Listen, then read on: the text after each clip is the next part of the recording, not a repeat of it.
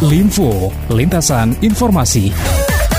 Baik, Flexi People, KPU Kota Padang melaksanakan simulasi pemilihan kepala daerah di TPS 36 di SMP 13 Kelurahan Paru Putabing, Kecamatan Koto Tangah, Padang. Simulasi ini menerapkan protokol kesehatan karena pelaksanaan di tengah pandemi. Ketua KPU Kota Padang Riki Eka Putra mengatakan simulasi pemungutan suara ini sekaligus sebagai evaluasi agar petugas betul-betul menjalankan protokol kesehatan dengan benar.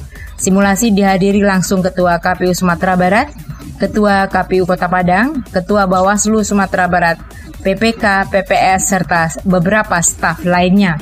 Nantinya simulasi ini akan menjadi model untuk penerapan di 1943 TPS yang ada di Kota Padang.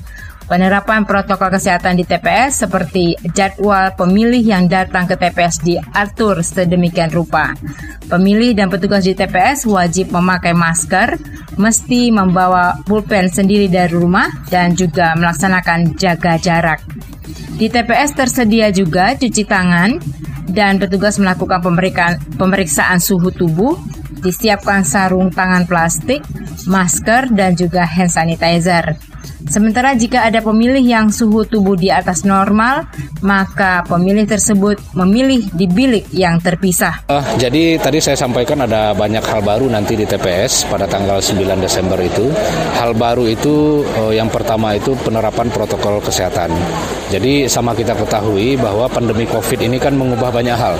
Nah, tentu juga ini akan berdampak kepada penerapan uh, ketentuan pemungutan dan penghitungan suara. Seperti misalkan pengaturan kedatangan.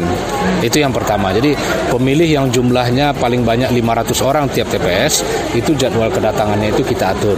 Sejak kapan? Sejak uh, penyelenggara membuat surat pemberitahuan kepada seluruh pemilih untuk datang memilih di TPS-nya masing-masing. Jadi ada jamnya.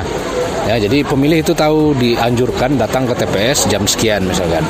Nah, nah tapi surat uh, pemberitahuan ini itu tidak berimplikasi kepada hilangnya hak pilih dari uh, pemilih.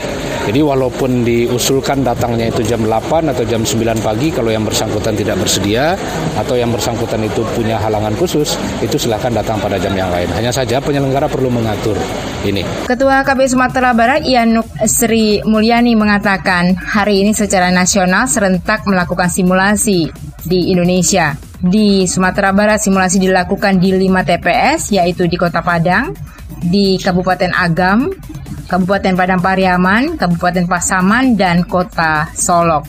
Demikian dari Rinjani melaporkan untuk Lesi FM.